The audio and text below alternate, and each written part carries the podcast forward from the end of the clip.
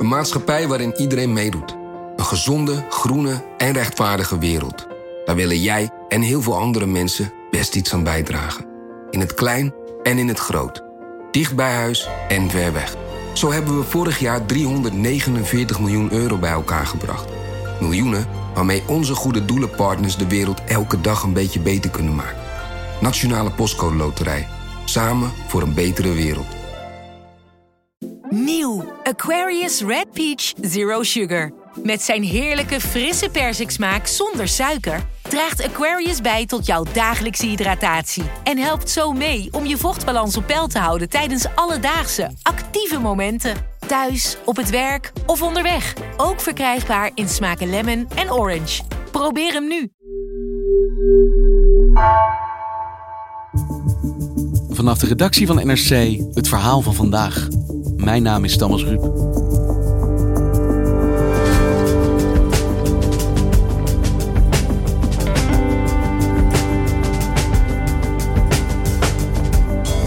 Libanon verkeert officieel niet in oorlog. Maar dat is wel het gevoel dat je er krijgt. Historische vijandschappen herleven, de overheid is afwezig en werkelijk iedereen heeft wapens. Midden-Oosten-correspondent Melvin Ingleby trok de wijken van Beirut in en zag met eigen ogen hoe dicht het land is bij een burgeroorlog.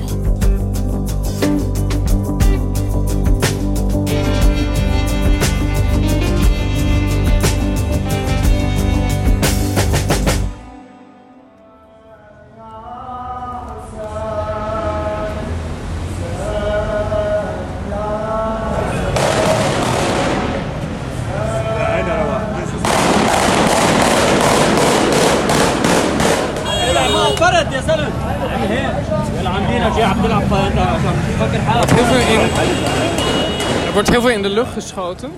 Maar door mannen die duidelijk niet heel voorzichtig met de wapens omgaan. Dus soms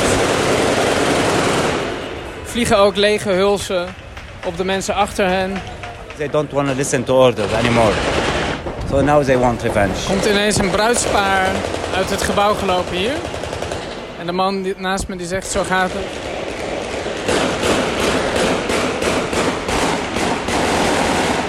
Leven en dood naast elkaar. Ik was uh, vorige week vrijdag op een uh, begrafenis van uh, leden van Hezbollah en Amal. Dat zijn twee Sjiïtische partijen in Libanon. En er waren zes leden van deze partijen overleden. En ook een vrouw die gewoon burger was. En er was een enorme menigte samengekomen op een kruispunt in een Sjiïtische wijk. Om ja, deze mensen te herdenken, maar ook flink in de lucht te schieten. Want dat hoort erbij op een begrafenis? Dat, dat hoort er inderdaad uh, een beetje bij in Libanon en andere delen van de Arabische wereld. Dat er bij een begrafenis wat geschoten wordt. Maar dit keer ging het wel heel erg tekeer. You are like totally used to it, right? Yes. Since we grew up, we. Yeah. No, I'm a little bit less used to the bullets, but. Yeah, you're a little bit okay. Uh, I'm just a little bit surprised how how much it is and how uh, and how uncarefully people are shooting. You know, they But really. You have to be careful how you get the gun. You know Kalashnikovs, shotguns, revolvers, raketwerpers zelfs. Ik denk dat ze duizenden kogels gelost hebben. En ze schieten diagonaal de lucht in, eh, richting de christelijke wijk Aina Ramene, waar ze een pesthekel aan hebben. En eh, waar ook die schietpartijen eh, de dag eerder uitbraken. Maar het is, het, is een hele rare, het is een hele rare ervaring om ertussen te staan. Want ehm, ze doen alsof er niks aan de hand is, maar ondertussen...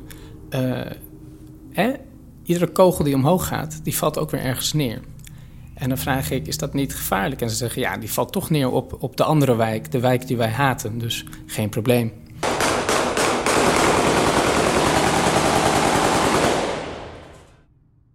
En Melvin, deze begrafenis waar dit schieten zo extreem was, hoe zijn die mensen om het leven gekomen? Die mensen die zijn de dag ervoor om het leven gekomen na een demonstratie. Ehm, hun partijen, Hezbollah en Amal, twee Sjiïtische partijen, die hadden een demonstratie aangekondigd tegen het onderzoek naar de toedracht van de explosie in de haven van Beirut. Ehm, de verwoestende explosie die we hier natuurlijk ook non-stop op het nieuws gehad hebben. Precies.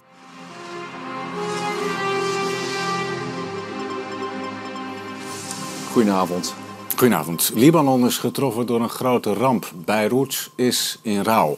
Dat zijn vanavond de Libanese premier. Goedenavond. Zeker tientallen doden en duizenden gewonden. In de Libanese hoofdstad Beirut is vanavond een gigantische explosie geweest in de haven.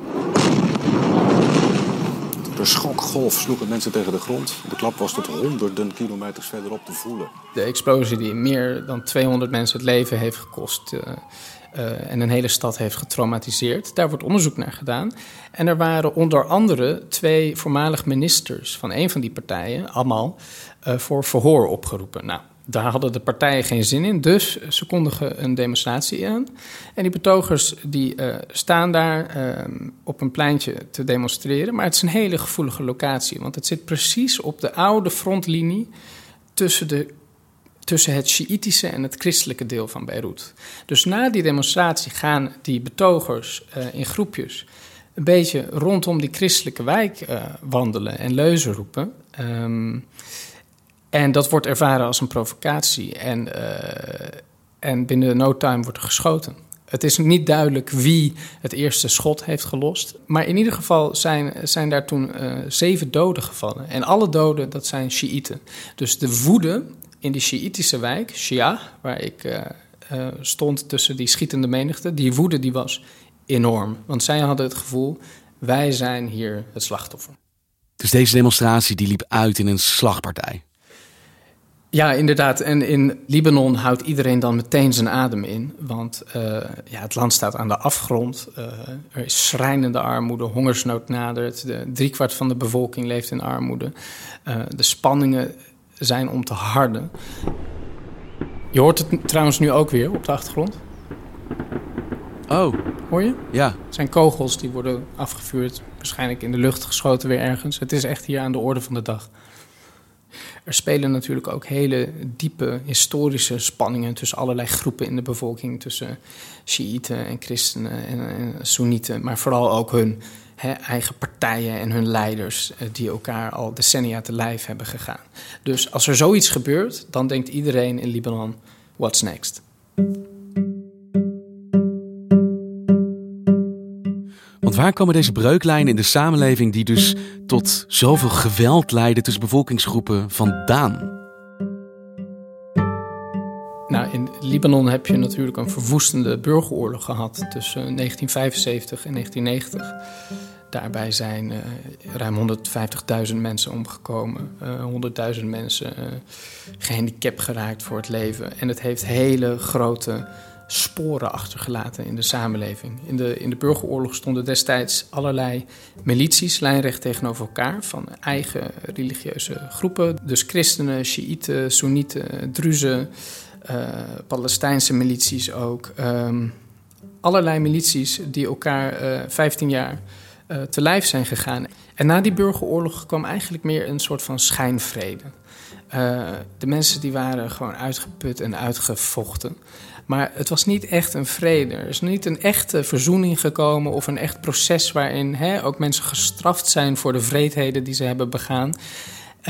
In feite is het in Libanon zo dat de milities die elkaar destijds te lijf gingen, gewoon politieke partijen oprichten en het land onder elkaar verdeelden. Dus er is niet echt een staat ook in Libanon. Dus je hebt verschillende wijken in die stad die door de een of door de andere militie slash politieke partij uh, worden gecontroleerd. En uh, nou, dat, dat zorgt er dus voor dat die historische spanningen ook in het DNA van die stad zitten. En dat dat dus heel erg snel uit de hand kan lopen.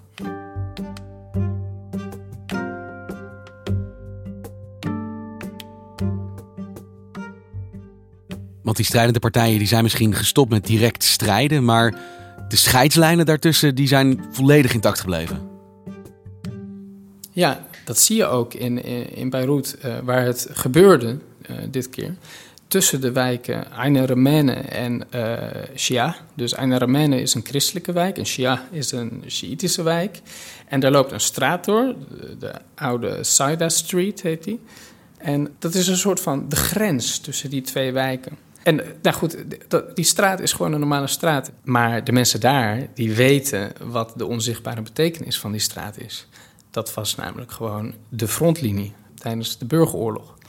En op zo'n moment als uh, vorige week, afgelopen donderdag, dat daar weer keihard gevochten werd, wordt het ook weer een frontlinie. En uh, ik ging er terugkijken uh, de dag erna.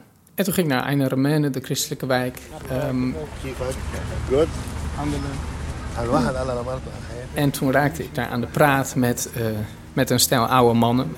ook echt van die bejaarde spierbundels. Dat, dat waren zeg maar de oude militiebazen van toen, maar, uh, maar op leeftijd. En op dat kruispuntje waar ze zaten, is in 1975 de Libanese burgeroorlog begonnen. Toen daar een christelijke militie een bus vol Palestijnen met kogels doorzeefde. Dus daar begon het geweld. En op steenworp afstand daarvan was nu vorige week het weer raak.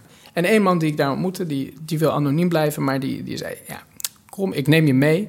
En hij zegt: Kijk, dit hebben ze met mijn auto gedaan. They hit my car. Yeah. If you are staying here and the bullet comes from the sky, it, will fall down. Where? On your head, on your uh, shoulder, in your, uh, on your uh, legs, on the car, on the house, everywhere. everywhere. En ik vraag hem van, goh, wat zijn die kogels daar op die gebouwen? En hij zei, nee, dat, dat zijn oude kogels van de burgeroorlog. Those from before, yeah. during the war. Because yeah, before there is war here, civil war, you know. Maar die daar, die zijn vers. Want die zijn uh, vorige week op deze gebouwen afgevuurd.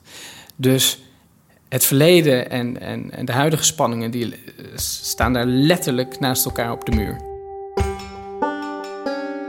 Dus ik vroeg hem ook van, uh, heb jij dan ook vroeger gevochten? En hij zei, ja, natuurlijk heb ik vroeger gevochten.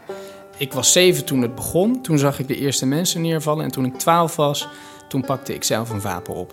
We are a war generation. We don't want the other generation be the same. You understand? They must everyone think carefully. En hij zegt er meteen eigenlijk bij, ik kan het niemand aanraden. Uh, niemand wil oorlog.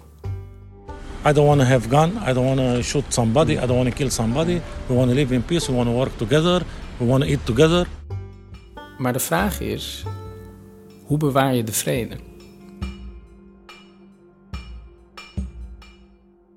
En hij zei ook, hebben die klootzakken soms niks geleerd van de Eerste Oorlog? Hij noemde het ook de Eerste Oorlog, alsof, hè? Alsof eh, de oorlog eigenlijk alweer begonnen is. Dus het was een ja, deze man was eigenlijk eh, aan de ene kant heel vriendelijk en warm en open. En die zei van ja, natuurlijk houden we van eh, de mensen in een andere wijk. Wij zijn ook gewoon mensen en iedereen is welkom. Maar alleen als je in vrede komt. Zo niet, dan krijg je een kogel door je kop. You cannot come in this area and you fuck up with us. Why you want come in with peace? It's most welcome. I open the door for you. Mm -hmm. But you come to kill my family or to fuck up my uh, property or whatever, I will fuck up your head. En dan zie je ook de, de historische haat en afgunst die nog in, in die wijk zit. En het feit dat hij zegt: Het is onze trots dat wij destijds de wijk verdedigd hebben en dat niemand een remene inkomt. En als zij nu proberen, als deze Shiiten wagen om bij ons in de buurt uh, te komen, ja, dan uh, verdienen ze het.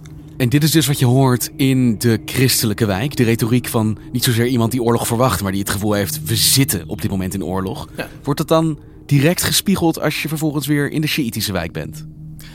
Ja, nou, in de Sjiitische wijk was, was de woede denk ik nog groter. Omdat alle doden aan Sjiitische kant uh, zitten tot nu toe. Dus die mensen willen wraak. Ik ben daarna weer teruggegaan naar die Sjiitische wijk, Shia. En ik raak aan de praat met uh, Ali. En Ali is een 25-jarige jongen, welbespraakte jongen. Uh, hij zegt, I hate guns. Maar hij is de enige al zijn vrienden daar hebben een wapen. Uh, en hij zegt, ik denk wel dat 90% van de Libanezen thuis een wapen heeft liggen. Yes, 90% of Lebanese people have guns at home. Everybody here nowadays have a weapon. And you know, like a, bullet can fire up everything nowadays. Hij probeert zich een beetje afzijdig te houden uh, van het geweld en van, van de verschillende politieke partijen, dus Hezbollah en Amal. Maar hij zegt, ja, dat, dat valt nog niet mee, want er is een hele grote groepsdruk in deze wijk. Dus als je naar de moskee gaat, komt iemand van Hezbollah en die zegt van, ja, Wil je niet met ons vechten? When you go to the mosque, they come to you and say to you, "Come join us. You're gonna be, you're gonna die with us. You're gonna go to heaven." Bla bla bla. Ja, als je voor ons sterft, dan, eh, dan ga je naar de hemel. En dan mag je met de profeet aan tafel. En dan krijg je, weet ik niet hoeveel maagden. Amal, die het vooral in deze wijk voor het zeggen heeft... dat is eigenlijk een partij die een hele grote sociale controle over die wijk uh, uitoefenen. En uh, ja, gewoon heel machtig zijn in, in die wijk. Dus het is voor iemand als Ali heel moeilijk om daar uit te blijven. Dus je komt in de ene wijk waar jij het gevoel krijgt... zij zijn in oorlog met de andere wijk, de andere wijk is in oorlog met die wijk... en iedereen intussen heeft wapens. Ja, dus dan zomaar uit de hand lopen. Maar tegelijkertijd, en dat is dus heel erg vreemd en interessant... Uh, vertellen de mensen in beide wijken mij... ja, hè, maar we hebben ook wel vrienden in de andere wijk. En we gaan daar ook wel winkelen. En we hebben daar ook een baan. In het dagelijks leven komen, komen die spanningen niet altijd naar boven, naar het oppervlakte. Maar gek genoeg kan het dan soms toch heel erg misgaan. En dat komt omdat er mensen zijn die daar belang bij hebben. Wie zijn dat dan, Melvin? Want het klinkt voor mij alsof dit soort geweld en onveiligheid in niemands belang is. Dit verwoest zo'n land. Dat zijn dezelfde mensen die in de burgeroorlog ook voor het geweld hebben gezorgd. Dat zijn de mensen die in de burgeroorlog de milities leiden en vervolgens politieke partijen hebben opgericht. Dus het gaat ook helemaal niet echt over religie, vertelt Ali mij. Hij zegt, dit is niet de strijd tussen christenen en moslims of christenen en shiiten. No, no, no, no, no. Not about religion at all. It's not uh, like that, that, that if someone's someone Muslim so someone Christian, gonna kill him. Nee, dit gaat over militie, over partijen en leiders. Yes, about parties. 100%. Right. En als onze leider zegt, schiet die gast een kogel door zijn kop, dan doen wij dat. En waarom doen die mensen dat? In feite komt het neer op de oude, op de, op de welbekende strategie van verdeel en heers.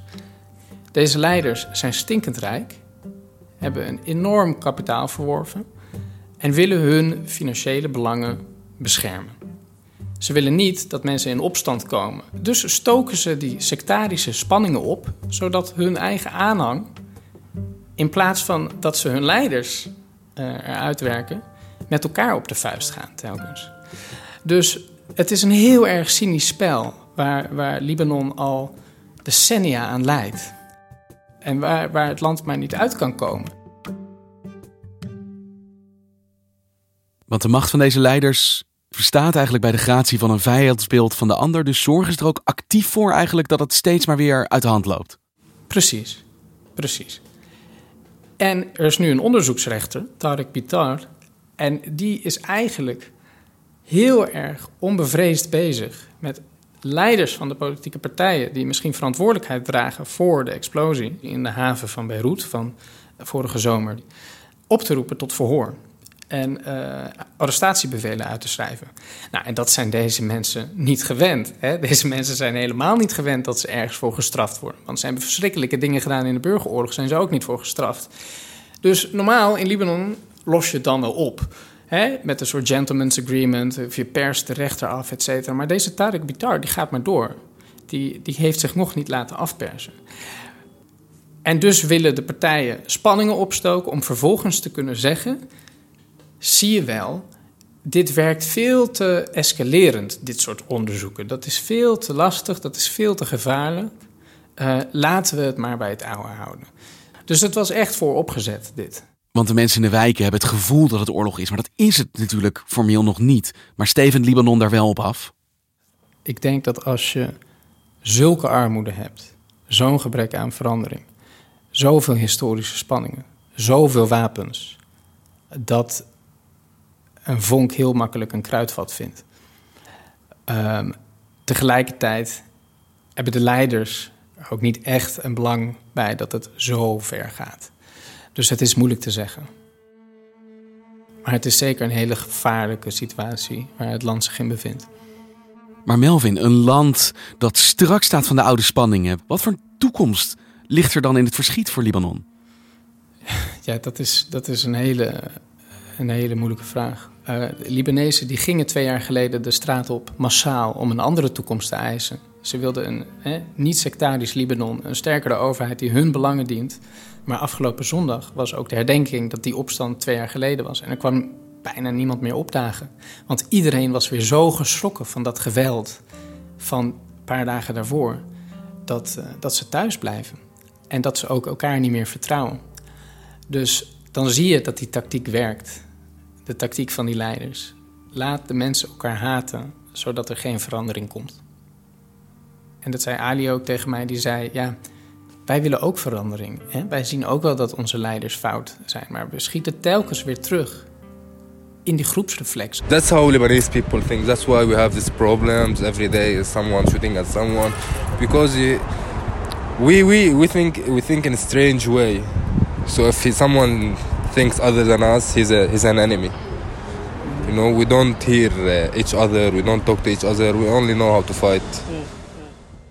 Als we het gevoel hebben dat we worden aangevallen, omdat we gewoon in dit land niet echt hebben geleerd om met elkaar te praten er is ons alleen maar geleerd om met elkaar te vechten.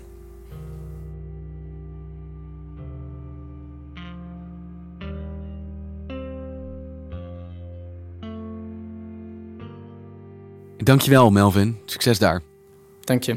Graag gedaan.